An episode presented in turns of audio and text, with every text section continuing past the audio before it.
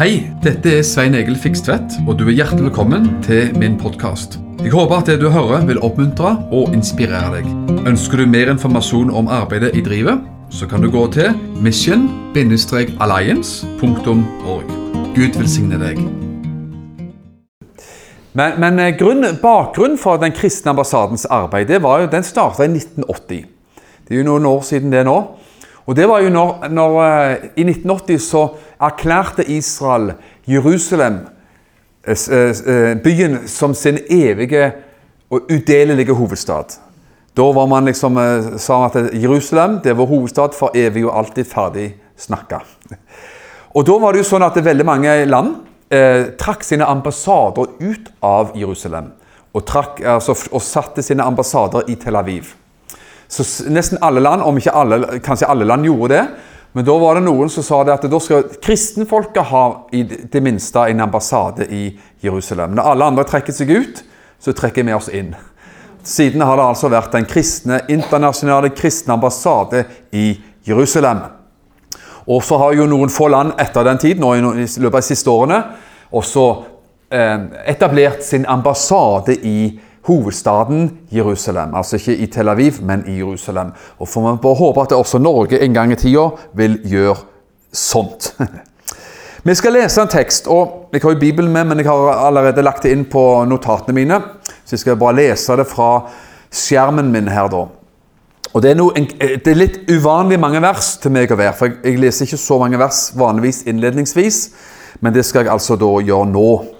Esekel 37, vers 1-14. De døde ben i dalen. Det har du hørt sikkert om. Og Det er jo en interessant tekst, og det er faktisk en tekst jeg aldri har talt om sjøl. Men jeg kjente på det at jeg skulle gjøre det. Esekiel 37, vers 1-14 i Jesu navn. Herrens hånd kom over meg, og den førte meg ut ved Herrens ånd og satte meg midt i dalen. Den var full av bein, en, altså en dal full av bein. Så lot han meg gå rundt uh, hele veien forbi dem, og se, det var svært mange som lå der i den åpne dalen. Og se, de var helt tørre. Han sa til meg, 'Menneskesønn, skal disse beina få liv igjen?' Da sa jeg, 'Herre Gud, du vet det.' Bra, vet du. Når vi ikke har svaret når Gud taler til oss, får vi si 'Herre, du vet'. Når ikke vi vet, så vet du. Igjen, vers 4. Igjen talte han til meg. Profeter til disse beina og si til dem, dere tørre bein, hør Herrens ord. Så sier Herren Gud til disse beina. Sannelig, jeg skal la det komme ånd inn i dere, og dere skal leve. Jeg skal feste sener på dere og la det komme kjøtt på dere, dekke dere med hud, og la det komme ånd inn i dere, og dere skal leve. Da skal dere kjenne at jeg er Herren. Så profeterte jeg slik jeg var blitt befalt. Mens jeg profeterte, kom det et brak, og se, det ble en klapring. Beina trakk nær hverandre, hver av dem til det beinet det hørte til. Og så, og se, det kom sener og kjøtt på dem, og det kom hud som dekket dem, men det var ikke ånd i dem. Da sa han til meg, profeter til ånden, profeter, menneskesønn, og si til ånden, så sier Herren Gud, kom fra de fire vindretningene, du ånd, og pust på disse drepte, så de kan leve. Så profeterte jeg slik han befalte meg. Da kom ånden inn i dem, og de ble levende, og de sto på føttene, en hær som var meget, meget stor. Da sa han til meg, menneskesønn, disse beina er hele Israels hus. Se, de sier, våre bein er tørre, vårt håp er ute, og selv, om, og selv er vi revet bort. Altså, Det var Israels folk som sa det om seg sjøl, altså. Vers 12. Profeter derfor og si til dem, så sier Herren Gud, se dere, mitt folk, jeg skal åpne deres graver og la dere komme ut fra gravene og føre dere inn i Israels land. Da skal dere kjenne at jeg er Herren når jeg åpner deres graver, mitt folk, og fører dere opp fra gravene.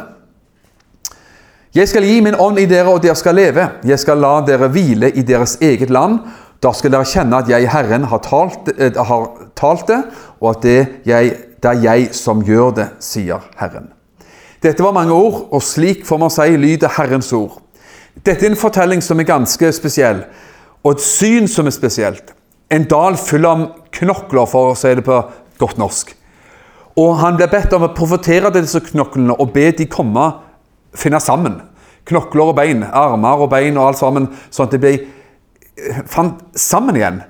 Og etter det så profeterte han at det skulle komme eh, muskler og skinn, hud oppå, sånn at dette ble altså mennesker som ble oppreist fra en haug og en dal med knokler. Og de skulle altså bli en meget stor hær, står det. Og så sier Gud også at Hans ånd skulle komme inn i dette. Det begynte med en haug med knokler i bein, døde bein i dalen, til å bli et folk. Til å bli et folk som skulle komme tilbake igjen til landet sitt og Guds ånd skulle blåses inn i dit, de. Kort fortalt fra meg, da. Dette er en fortelling om jødefolket som var spredt til alle retninger, som var døde. Og de sa sjøl her i teksten vi døde, håp er ute, vi, vi, vi, det dødt, ingenting. Kan det bli noe ut av dette her? Men så blir det altså nettopp det. Det blir noe ut av dette. Venner, vi er vitne til dette i vår tid. Og dette har skjedd gradvis. men kan si, Hvis man tar utgangspunkt i 1948, 15. mai 1948, så ble Israels, eh, land, eh, landet Israel igjen reetablert som et land og en nasjon. Og eh, siden den gangen så har landet vokst. Det har utvikla seg voldsomt.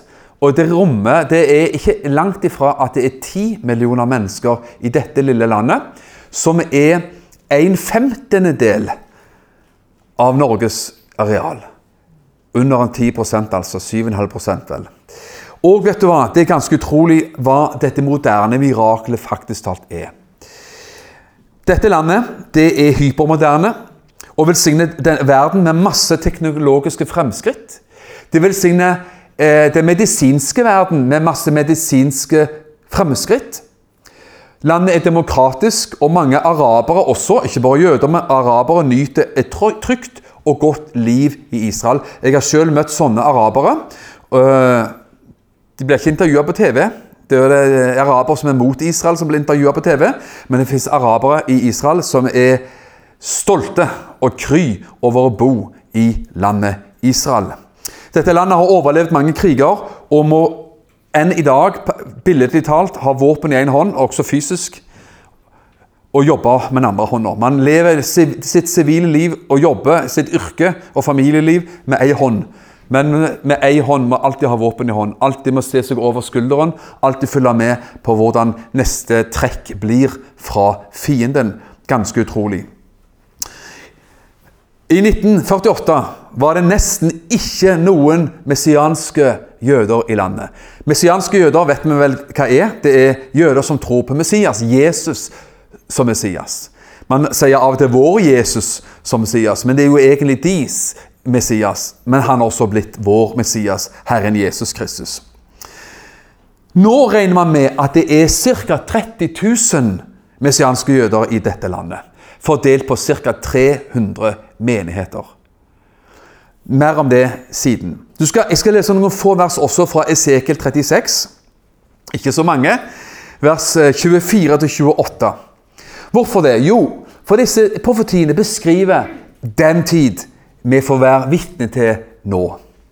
Da står det altså i Sekel 36, 24. For jeg skal ta dere fra folkeslagene og samle dere fra alle landene, og jeg skal føre dere inn i deres eget land. Jeg skal stenke rent vann på dere, så dere skal bli rene. Og jeg skal rense dere fra alle deres urenheter og fra alle deres avguder. Jeg skal gi dere et nytt hjerte og gi dere en ny ånd i deres indre. Jeg skal ta steinhjertet ut av deres kjød og gi dere et hjerte av kjød. Jeg skal gi dere, mine, eh, eh, gi dere min ånd i deres indre, og jeg skal gjøre det så at dere vandrer etter mine lover, så dere holder mine dommer og gjør etter dem. Da skal dere bo i landet, og jeg, jeg ga deres fedre. Dere skal være mitt folk, og jeg skal være deres Gud. Her ser du igjen noe som er interessant. Gud sa her at jeg skal samle dere fra alle verdens kanter, alle folkeslag og alle plasser, og føre dere tilbake til landet som jeg har lovte fedrene en gang i tida. Og så sier Gud Og så skal jeg la jeg skal utøse min ånd over dere. Jeg skal stenge rent vann på dere. Dere skal få min ånd i deres indre. I tidligere tider, spesielt da før 1948, så tenkte mange kristne, og det var godt meint, og man, man, man begrunna det delvis kanskje med Guds ord, men da sa man det at jødene skal først bli frelst og ta imot Jesus som sin Messias rundt omkring i verden. Og når de gjør det, da skal Gud samle dem i landet sitt.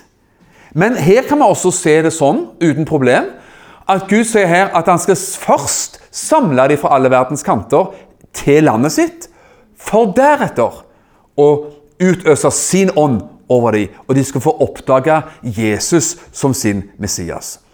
Så rekkefølgen den er like grei ut fra det som vi leser her, at Gud vil samle og holde på å samle sitt folk fra alle verdens kanter, og han driver og utøser sin ånd i landet. De skal få bli kjent med Jesus som sin herre og sin Messias når de har kommet tilbake igjen til landet sitt.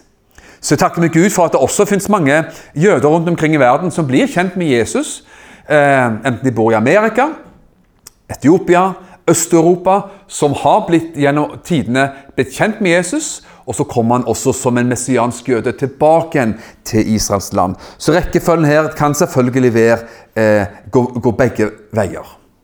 Vi skal få litt statistikk. Og I dag skal jeg spesielt eh, liksom, sikte oss inn på det som har med eh, ikke politikk å gjøre. Ikke, ikke, vi skal sikte oss inn på dette med hva Gud gjør når det gjelder oppdagelsen av Jesus som sin Messias. Altså det messianske perspektivet. Når det gjelder Israel, så er det så mange perspektiver. Vi kan snakke om historie og litt politikk og, og veldig mange vinklinger. Men jeg har lyst til å liksom, sette retning på dette som har med at Gud jobber på det landet og det folket og forbereder det for Jesus. De skal få møte sin Herre, Frelser og Messias. I 1948, Nå skal du få enda mer nøyaktig statistikk. I 1948, når Israel ble gjenoppretta i mai 1948, så regner man med og Dette er en organisasjon som heter One for Israel. Altså Sammen for Israel, får man si. Som er en flott, flott messi messiansk organisasjon. Altså jødisk messiansk organisasjon som jobber for at jødene skal bli kjent med Jesus. Altså, man tror på Messias. De sier, ut fra det de har brakt på det rene, så sier de i 1948 var det 23 messianske jøder i Israel. Det er ikke mange. 1 million, blant én million jøder den gangen så var det altså 23 personer i et helt land som trodde på Jesus. Utrolig lite. I 1989 da er man jo gått ganske mange år fram. Så var tallet steget opp til 1200, fordelt på 30 menigheter. Altså 1989 det er ikke så veldig lenge siden, 35 år siden sånn cirka.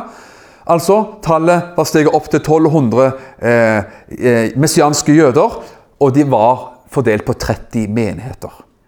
I 1999, ti år senere, så var dette tallet økt til 5000 messianske jøder, fordelt på 81 menigheter. 1999, ok, rett sånn år, ca. år 2000. Ikke så lenge siden det. 24 år siden. Og nå, siste tall som jeg har her nå, da, det er 2017. Det er fem år siden. Da regner man med at det var altså 30 000 messianske jøder. Fordelt på 300 menigheter. Altså kan man si en fantastisk økning av messiastroende jøder i landet. Kan man da se at denne, statistikken her passer veldig godt inn med, med Esekiel 36 og Esekiel 37? At Gud har samla folket. Gud har billedlig talt selvfølgelig Dette var jo en billedlig profetisk eh, eh språk når Gud snakker om disse knoklene, disse bein, tørre bein i dalen. Hva var det for noe? Ja, Det var Israels folk som og landet som var spredt, folk var spredt, landet lå øde. Den gangen før 1948 så var det jo under tyrkisk eh, herredømme. Dvs. Si før, eh, inntil fram er den første verdenskrig. Og mellom mellom krigsårene så var det jo da under britisk eh, mandat i stor grad. Så likevel så er det jo sånn at man ser da at det, det som var bare knokler, billedlig talt, har blitt til et land. Har blitt til et folk som har samla seg i sitt land. Det har blitt til noe fantastisk. Jeg må si jeg er veldig svak for dette. Det er vi jo alltid. Alle av oss er det. Når mennesker kommer til tro på Jesus overalt. Samme hvem det er, jøder eller ikke jøder, når mennesker kommer til tro på Jesus, så lever vi for det. Når jeg hører noen fortelle sitt nyfrelste vitnesbyrd, så kan vi være enige om det at det er bare alltid vidunderlig. Det er sterkt. Er enten det er folk fra Evangeliesenteret, eller fra andre land, eller fra fjern og nær, øst og vest. Det er vidunderlig. Så er fokuset her i dag naturligvis på det messianske. Israel og jødefolket. Fordi at det, er spesielle ord og spesielle løfter knytta til de ut fra Bibelen. Og Jeg ble så grepet jeg skal sitere et par sånne fine vitnesbyrd om messiastroende jøder som har altså kommet til tro på Jesus. Og Den første jeg har lyst til å nevne her, det er en dame som heter Anastasia. heter hun. Anastasia Okrimenko. Og Denne dama her, hun vokste opp i, eh, på Vestbredden en plass heter Shilo. Det er jo et bibelsk navn. Vokste opp i Shilo. Familien hennes var religiøse sionister. Altså mennesker, eh, sionister som var eh, på Vestbredden, bodde der og hadde etablert seg på Vestbredden. Men de var sterkt troende jøder, og på ingen måte selvfølgelig messianske på noen som helst måte. Og, og, eh, men de, de, de, kjørte fram den det gammeltestamentlige jødiske eh, teologien, selvfølgelig. Den jødiske troen. Og vet du hva? Denne Anastasian hun vokste opp på skolen. Så brukte man i matematikken ikke plusstegn engang, og gangetegn. For det minner for mye om korset. Fordi det minner for mye om selvfølgelig de kristnes eh, forfølgelse mot jødene gjennom tidene. Så de vil, ikke se, de vil ikke se noe som kunne minne om et kors. Så man brukte altså ikke plusstegn og gangetegn i matematikken når denne Anastasia vokste opp. Men denne Anastasia gjorde noe som eh, man gjør klokt i å gjøre. Hun leste det som står så å si helt i midten av Bibelen. Og Det er nesten symboltungt. Og det er Isaias 53. Blar du opp i Isaias 53, så ser du at den lander temmelig sånn på midten av Bibelen. altså. Og det er jo et midtpunkt i Bibelen. Og hva gjorde hun da? Jo, hun leste jo om denne Jesus. Han som ble såret for våre overtredelser. Knust for våre misgjerninger. Straffen lå på han for at vi skulle ha fred. Det var bare et par vers. Men hele Isaias 53 er jo helt utrolig. Det, det, det, ja, det er liksom indrefileten i Bibelen. Den er helt fantastisk. Anastasia leste dette. Og så sier hun når hun leste dette, så skjønte hun liksom umiddelbart at dette må være Jesus. Det må være Messias. Han som vi venter på, men som vi har gått glipp av at han kom for et par tusen år siden. Og så har jeg lyst til å sitere nøyaktig hva denne Anastasia har fortalt i sitt eget vitnesbyrd. Hun sier dette. Første gang jeg leste dette, sa hun, skjedde det noe. Jeg kjente ham igjen. Jeg så ham, og alle spørsmålene mine ble besvart i samme sekund. Jeg skjønte at han forsto hvordan det er å være et menneske, og at han åpnet en vei til Gud for oss, fordi vi ikke kunne få det til selv. vet du hva? Hun fikk møte sin egen og sitt eget folks Messias gjennom å lese Jesajas 53 og fikk ta imot Jesus som sin herre og frelser. Og vet du hva? Det tok henne faktisk talt tre år før hun bekjente sin tro offentlig. Tre år. Sikkert for å bearbeide, for å bli rotfesta og grunnfesta i sin tro. Litt sånn i det stille uten å få massiv motstand. Fordi i hennes miljø står man fram og sier at 'jeg har funnet Jesus' liksom i gåseøyne den kristne Jesus som min, vår jødenes Messias, det er ikke populært. Men hun sto fram med sitt vitnesbyrd, og hennes vitnesbyrd på hebraisk Det fins på YouTube. Det har blitt sett av veldig mange mennesker. Og hvem er det som For det kan man jo måle, vet du. Hvor mange som har klikka inn på hennes hebraiske vitnesbyrd. Og da skjønner alle av oss at det er jo ingen i Norge som sitter og ser på hennes hebraiske vitnesbyrd. For det er jo ingen av oss som forstår hebraisk akkurat. Så hvem er det som ser på hennes hebraisk talende vitnesbyrd, tro? Antagelig hennes eget folk i hennes eget land. Så det er veldig mange som har sett hennes historie, og sett og hørt hennes vitnesbyrd. Og I dag er hun en ung, messiansk kvinnelig evangelist som, som bekjenner og preker Jesus. Du skal få et annet vitnesbyrd, min venn. En annen kar. Han heter Guy Cohen. Cohen er et veldig kjent jødisk navn. Alle av oss husker kanskje Leonard Cohen. Han døde for noen år siden. Han var jo kjent sanger da, som bodde i Canada. En kanadisk jøde. Men han her heter Guy Cohen. Han vokste opp i en kjent rabbinerslekt i Israel. Og vet du hva? Han vokste opp som en streng ortodoks jøde. Det finnes jo både ortodokse jøder og ultraortodokse jøder. Det er jo forskjell. Eh, men uansett, er du ortodoks eller ultraortodoks, da lever du veldig seriøst etter Det gamle testamentet. Med, og det, blir, det er ganske strengt. Det får man jo virkelig si. Det, det er strengt. etter vårt språk så ville vi kalt det for lovisk. Det, det, er et ord vi forstår, ikke sant? Han levde sånn, altså strengt og strevsomt og nøye etter Det gamle testamentet. Og lovisk, får man si. Men han opplevde at ikke at Gud var nær. Han opplevde ikke Gud gjennom dette her. Og så gikk han faktisk over til å bli en sekulær jøde. Altså, Han ble en helt liksom, ikke-religiøs verdslig jøde, levde bare et vanlig verdslig liv, sånn som den vanlige Ola Nordmann lever et verdslig liv, så levde denne karen her et verdslig liv.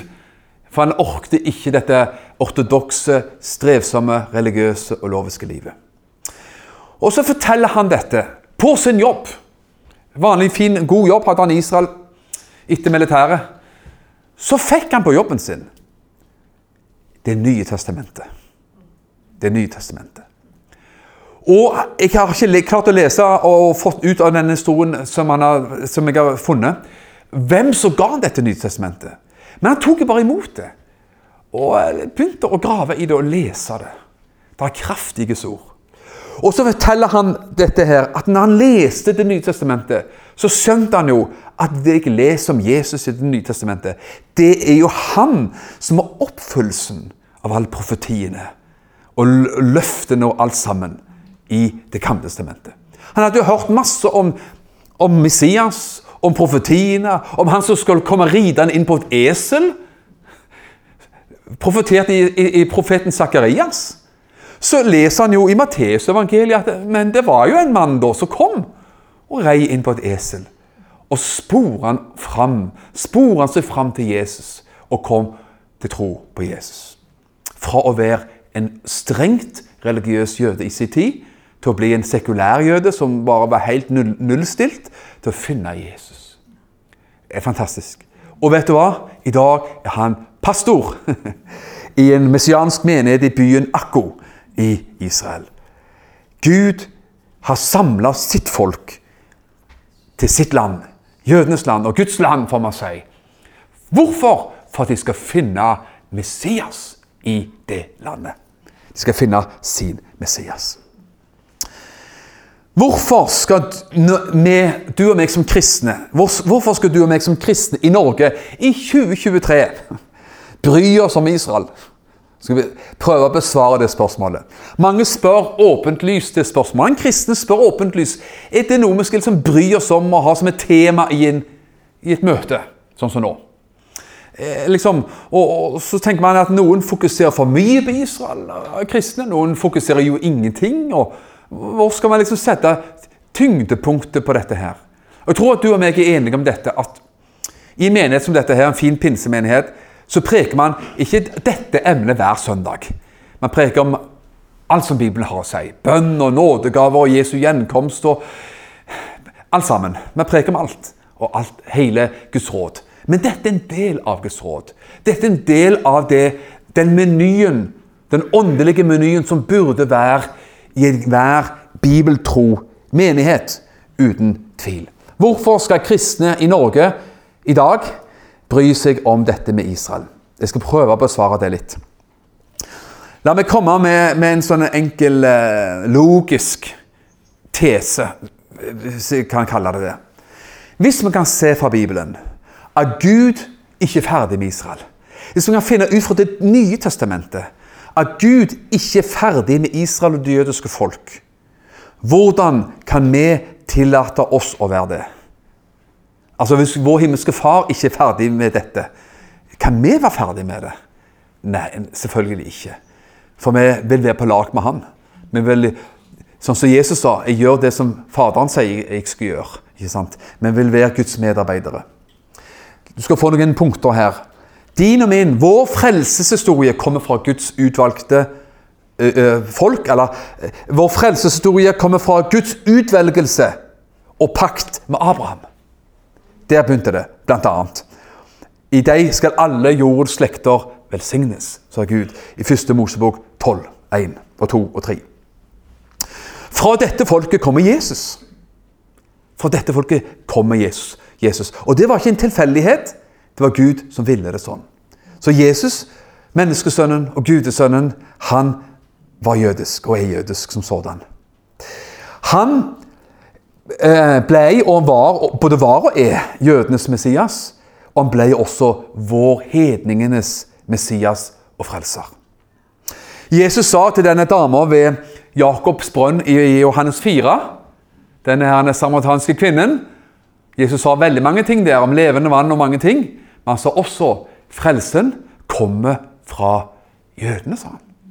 Og Det var ganske friskt sagt til en samaritansk kvinne. For samaritanerne de blanda Det gamle testamentet. De tok noen ting fra Det gamle testamentet og blanda det med sine egne ting. Altså religionsblanding. Og da sa Jesus ganske frimodig til henne Dere samaritanere, sa Jesus. Dere tilber det dere ikke kjenner, sa han. Men vi jøder, vi tilber det vi kjenner. For frelsen kommer fra jødene. Hvilken korreks det må ha vært til henne. Når Jesus sier du, det dere holder på med, det er ikke, det er ikke noe særlig. altså. Det var det han sa. Tenk, da, da er det formodig, altså. Men det er, vi, som har peiling på det, hva vi holder på med, sa han. Sagt med mine ord, da. Frelsen kommer fra jødene. Det var det Jesus sa. Og det samme Jesus åpenbarte at Gud ikke er ferdig med jødene, Israel og Jerusalem. Gud har åpenbart det for oss i Bibelen, at Gud ikke er ferdig med dette folket. Og det er altså det vi skal eh, videre snakke litt om. Hør! Lukas 21, 24 sier dette her. Lukas 21, 24. Det er jo en endetidsprofeti av Jesus. Og det er ganske sterkt, egentlig, og det må ha vært veldig radikalt når Jesus sa dette til sitt folk og sine disipler. Han sa at de skal falle for sverdets egg og bli bortført som fanger til alle folkeslag. Og Jerusalem skal være nedtrampet av hedninger inntil hedningenes tider er oppfylt. Her Jesus noe som må ha vært litt av et sjokk til sitt folk. For de visste jo godt sin egen historie. At i år ca. La oss bare ta cirka tall, eh, år ca. 600 før Kristus så ble jo Jerusalem og det jødiske folk bortført som fanger til Babylon. Det visste de. Og så var de der i eksil i ca. 70 år, og så kommer de tilbake igjen til landet sitt. Det er jo en sterk historie å lese om disse tingene i Bibelen. Og så sier Jesus, og det, Jesus visste om det, disiplene visste om dette, så sier Jesus Folkens, det kommer faktisk en ny atspredelse. Det kommer faktisk en ny diaspora enda en gang, sier Jesus. Det må ha vært veldig radikalt og veldig trist å høre. Han sier dere skal bli spredt til alle folkeslag, sa Jesus. Og denne byen her, Jerusalem, skal være tråkka ned av hedningene. Under hedningenes eh, herredømme og makt. Noe, er det noen by som har vært under skiftende, eh, skift, eh, vært utsatt for krig og skiftende herskere gjennom historien, så er det jo nettopp Jerusalem. Men så sier Jesus noe fantastisk. Det var jo en trist nyhet. Men eh, så kommer et løftesord også. Vet du hva det er? Et lite nøkkelord. Det er ordet 'inntil'. Dette skal være tilfellet inntil. Det betyr fram til et visst tidspunkt, nemlig når hedningenes tider er over eller er oppfylt. Altså, det skal ikke være sånn for alltid. Mine venner, I dag så ser vi at dette med Jerusalem er jo kjerne, kjernen av både jødisk tro og, og, og det er kjernen i Israel, om du vil. Du kan ikke separere landet Israel og Jerusalem. Det er en umulighet som, alle, som man prøver på, men det kommer man aldri til å lykkes med. Du kan ikke atskille Jerusalem fra eh, jødene eller fra Israel. Litt historie. I 1948 da fikk jo jødene landet tilbake igjen. Og jødene fikk Vest-Jerusalem. Man ville jo at de ikke skulle ha det heller. Man ville at Jerusalem skulle være en internasjonalt styrt by og ha, ha et eget konsept. Men de fikk nå heldigvis fort i sin selvstendighetskrig Vest-Jerusalem. Ok? Og så går det noen år framover i tid, og så er det jo 1967. Da får man jo i seksdagerskrigen hele Jerusalem. Sant? Altså, man får grepet og herredømme over hele sin by. Og vet du hva? Uten, uten, problem så slår jeg fast med frimodighet at Jerusalem tilhører jødefolket og ingen andre. Det har du også. I 1980, som går vi enda noen år fram i tid, så er det sånn, som jeg sa også innledningsvis, at Jerusalem ble erklært for jødenes og Israels evige og udelelige hovedstad. Og da ble det jo et internasjonalt rabalder på det. Og så i 6. september 2017 Det er ikke så lenge siden, det er noen få år siden, det. Eh, snart eh, seks år siden. Så var det sånn at USAs president han anerkjente skikkelig Jerusalem som Israels hovedstad. Og sa at vi skal flytte vår ambassade fra Tel Aviv til Jerusalem. Og da, I forkant av det vet du, så var det også trusler om nesten tredje verdenskrig. Det var trusler så det, så det sang etter. Men det ble ikke stort annet enn at man brente noen eh, bildekk i Betlehem. Jeg har vært i Betlehem, og de fortalte meg det. Der sto en gjeng og brente noen bildekk, og der sto journalister i en eh, hestesko rundt og, og, og, og filma det og sendte det ut til verden på TV. Og siden har det ikke vært så mye mer om det. Jerusalem har sagt trinnvis la tri, trinn for trinn, steg for steg, kommet over i jødenes hender. Kan du tro at det er en oppfyllelse av Bibelens profetier? Jeg skal passe på klokka mi også. Skal, skal du høre hva Jesus sa også om Jerusalem? Fordi Gud er ikke ferdig med sitt folk. Gud er ikke ferdig med byen Jerusalem. Gud er ikke ferdig med landet Israel. Og Da står det også det i Mattes Matteus 23, 37-39. Jerusalem, Jerusalem, hun som dreper profetene og steiner dem som har sendt til henne. For ofte vil jeg ikke samle sammen dine barn, som en høne samler kyllingene sine under vingene sine, men dere ville ikke. Jesus sa det var det jeg ville, sa Jesus. Han gråt over Jerusalem og sa det, vet du, at han, jeg har så lyst til å samle dere som en høne samler kyllingene sine under sine vinger. Men dere vil ikke. Hva sier Jesus da? Se, deres hus etterlater dere øde. Igjen en profeti om at det skal gå dessverre feil vei et stykke tid. Men så kommer dette løftesordet igjen. For jeg sier dere, dere skal ikke se meg før dere sier, velsignet være Han som kommer i Herrens navn. Og min venn, vers 39 er ennå ikke oppfylt. Det må vi nesten være enige om. Og er, er vi ikke enige om det også? Hvis en profeti fra Bibelen ennå ikke er oppfylt, er vi da enige om at han kommer til å bli oppfylt? Ja, det, det, det, det, er veldig enkelt for oss å forstå det, vet du. Med andre ord, dette, ord, dette er ord som er ennå ikke oppfylt. Og de ennå ikke oppfylt, så kommer det til å bli nettopp det oppfylt. Altså, velsignet være Han. Jesus sa, 'Vi skal ses igjen', sa han. Dere har avvist meg nå. Dere har takka nei nå. Men vet du hva? Vi skal ses igjen. Vi skal ses igjen.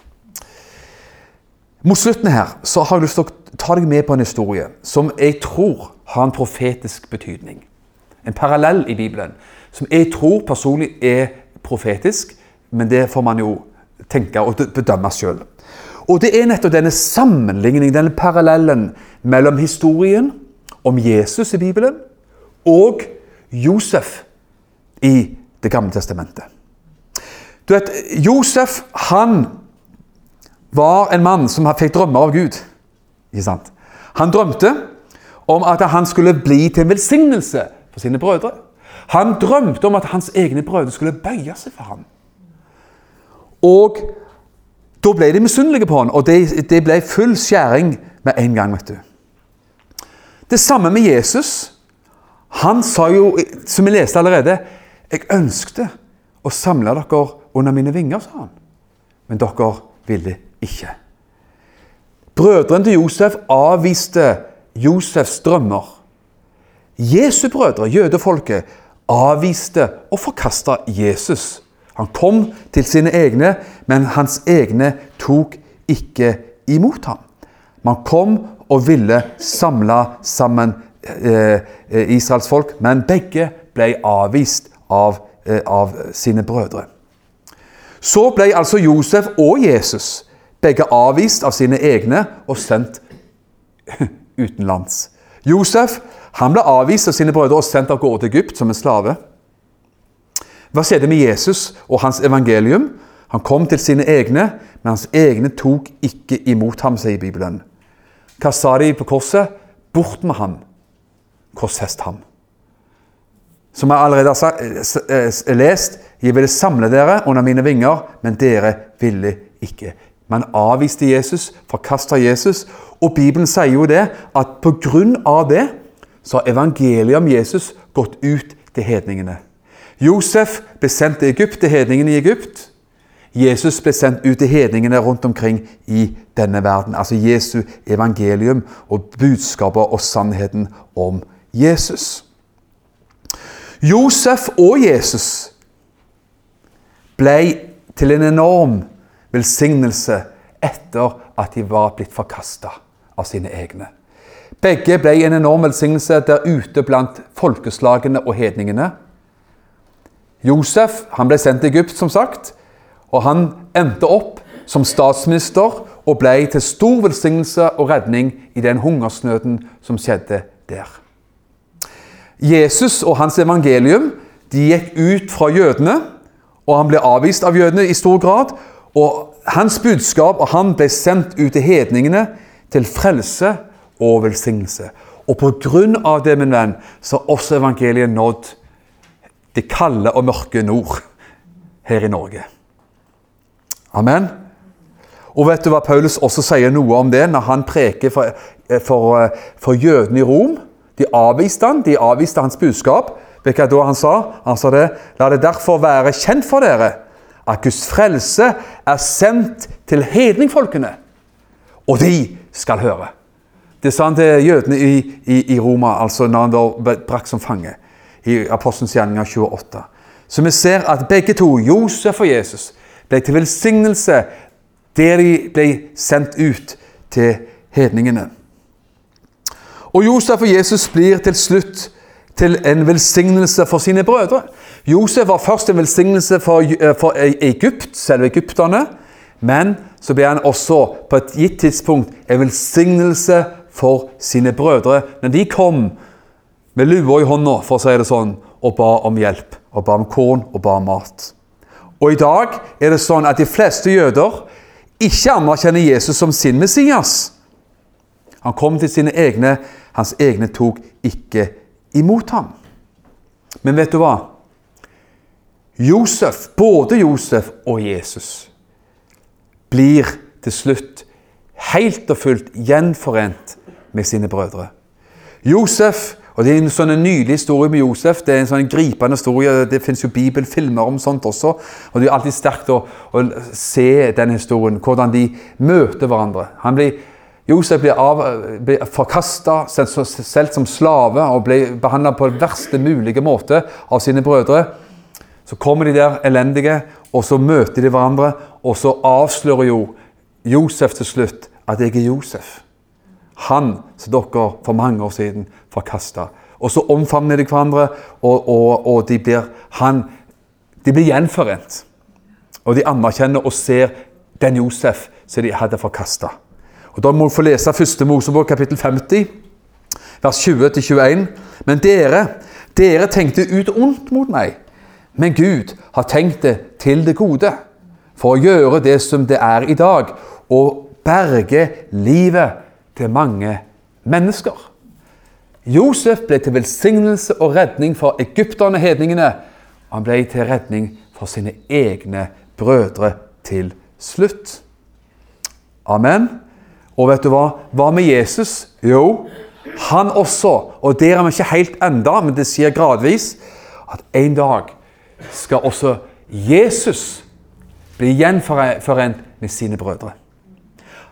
Han kom til sine egne for 2000 år siden, og de tok ikke imot ham.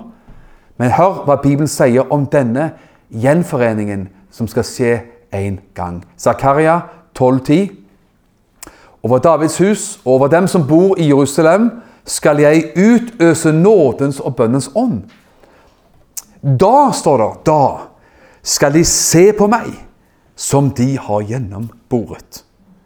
Ja, de skal sørge over ham slik en sørger over den enbårne, og de skal klage bittert over ham slik en klager bittert over den førstefødte. Er dette oppfylt? Nei. Skal det bli oppfylt? Ja. Åpenbaringen 1.7 om denne fantastiske gjenforeningen som en gang skal skje mellom Jesus, Messias, og hans brødre. Åpenbaringen 1.7. Se, han kommer med skyene, og hvert øye skal se ham. Alle skal se ham en dag, min venn.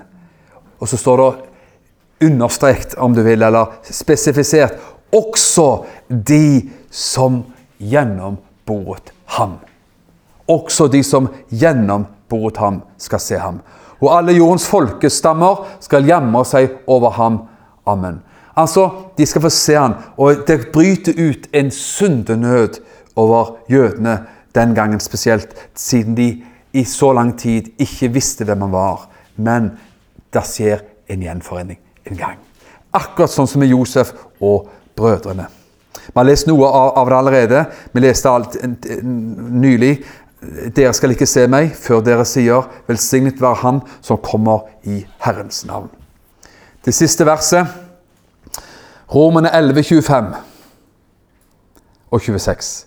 For jeg sier dere, brødre, at dere skal være at dere, at dere, skal være uvitende om denne hemmeligheten. Jeg vil ikke nå skal jeg lese rett, for jeg vil ikke, brødre, at dere skal være uvitende om denne hemmeligheten. Du vet, En hemmelighet er jo noe bare gjerne én person vet. Men når man deler hemmeligheten, så er det ikke lenger en hemmelighet. Så Paulus hadde fått åpenbart noe som han nå deler videre til andre. Så dere ikke skal være kloke i egne øyne, nemlig at forherdelse har rammet en del av Israel inntil fylden av hedningene er kommet inn. Så har du dette ordet igjen som jeg liker så godt, i hvert fall jeg. Inntil. Det skal være sånn inntil eh, fylden av hedningene har kommet inn. Altså, når fylden av hedningene har kommet inn i Guds rike, og eh, fylden av hed, eller hedningfolkene har hørt evangeliet, så skal det også være sånn at forherdelsen og forblindelsen forsvinner fra Jesu brødre.